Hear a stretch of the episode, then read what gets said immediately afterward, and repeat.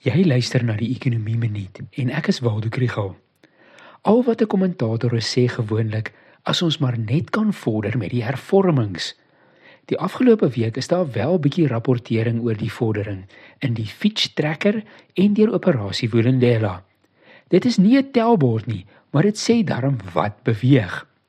Hierdie episode word ondersteun deur die NWI Sakeskool. Fitch gee Suid-Afrika 5,5 uit 10 en noem dat daar in die derde kwartaal vordering gemaak is met die ontbondeling van Eskom en die lisensie vir 'n nasionale transmissiemaatskappy. Hulle sê dit is 'n stap in die rigting om elektrisiteitsvoorsiening meer effektief en mededingend te maak.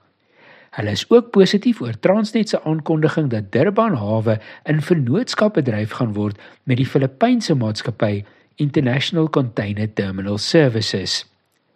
Operasie Vulindela rapporteer dat die nasionale logistieke krisiskomitee die gesprek tussen die regering, Transnet en die sake sektor fasiliteer om die Freight Logistics Roadmap geïmplementeer te kry. Daarbey word ook die implementeringsplanne rondom verandering in immigrasie en die visumstelsel binnekort oopgestel vir kommentaar.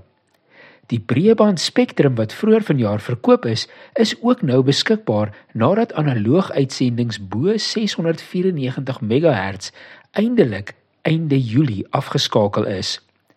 Daar is ook 'n wet op pad parlement toe wat daarop gemik is om nasionale waterhulpbronne infrastruktuur beter te bestuur. Op die elektrisiteitsfront het 6 projekte in Botvenster 5 finansiëel afgesluit Nog 4 behoort in Augustus voltooi te word en 3 in September. Die wiel van hervorming draai stadig, maar dit lyk darm of dit nog beweeg.